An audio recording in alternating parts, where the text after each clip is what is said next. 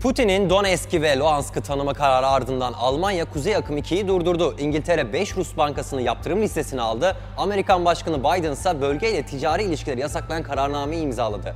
Pek çok insan bu refleksleri çok hafif buldu ve Rusya'yı korkutmaya yetmeyeceğini söyledi. Peki böyle düşünenler haklı mı? Ekonomik yaptırımlar işe yarıyor mu? Geçmiş örnekler ve araştırmalarla bakalım. Batı'nın Rusya'yı önlemek için bir şeyler yapması gerektiğine dair neredeyse bir fikir birliği var gibi görünüyor. Bununla birlikte Soğuk Savaş'ın sona ermesinden bu yana ekonomik yaptırımlar uluslararası diplomasinin bir aracı olarak çok sık başvurulan bir yöntem. Bu yaptırımlar konuşmakla savaş arasında makul bir yol olarak görülse de işe yaradığını söylemek zor.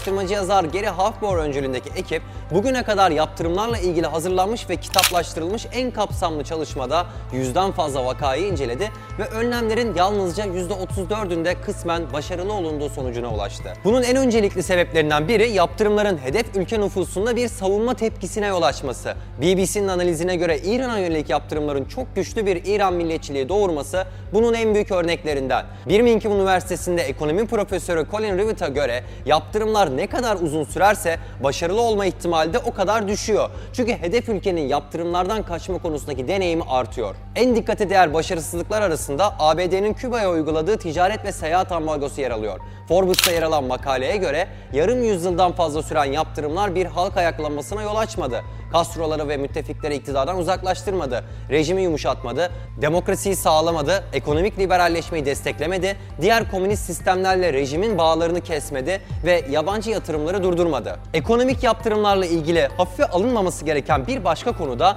yaptırım uygulayan ülkeye olan maliyeti. Ünlü bir vaka 1980'lerde Amerika'nın Sovyetlere uyguladığı tahıl ihracatı ambargosu. Bu ambargonun Sovyetlere maliyeti sadece 233 milyon dolar oldu. ABD'li üreticilerse en az 2.3 milyar dolarlık zarar ve hakim pazar payı kaybıyla karşı karşıya kaldı. Bununla birlikte ekonomik yaptırımlar tüm ülkeler tarafından uygulanmadığında da bir anlam ifade etmiyor. Örneğin İran uzun süre Amerikan ambargosu altında olmasına rağmen Çin'le yoğun bir ticari yakınlaşma gerçekleştirdi.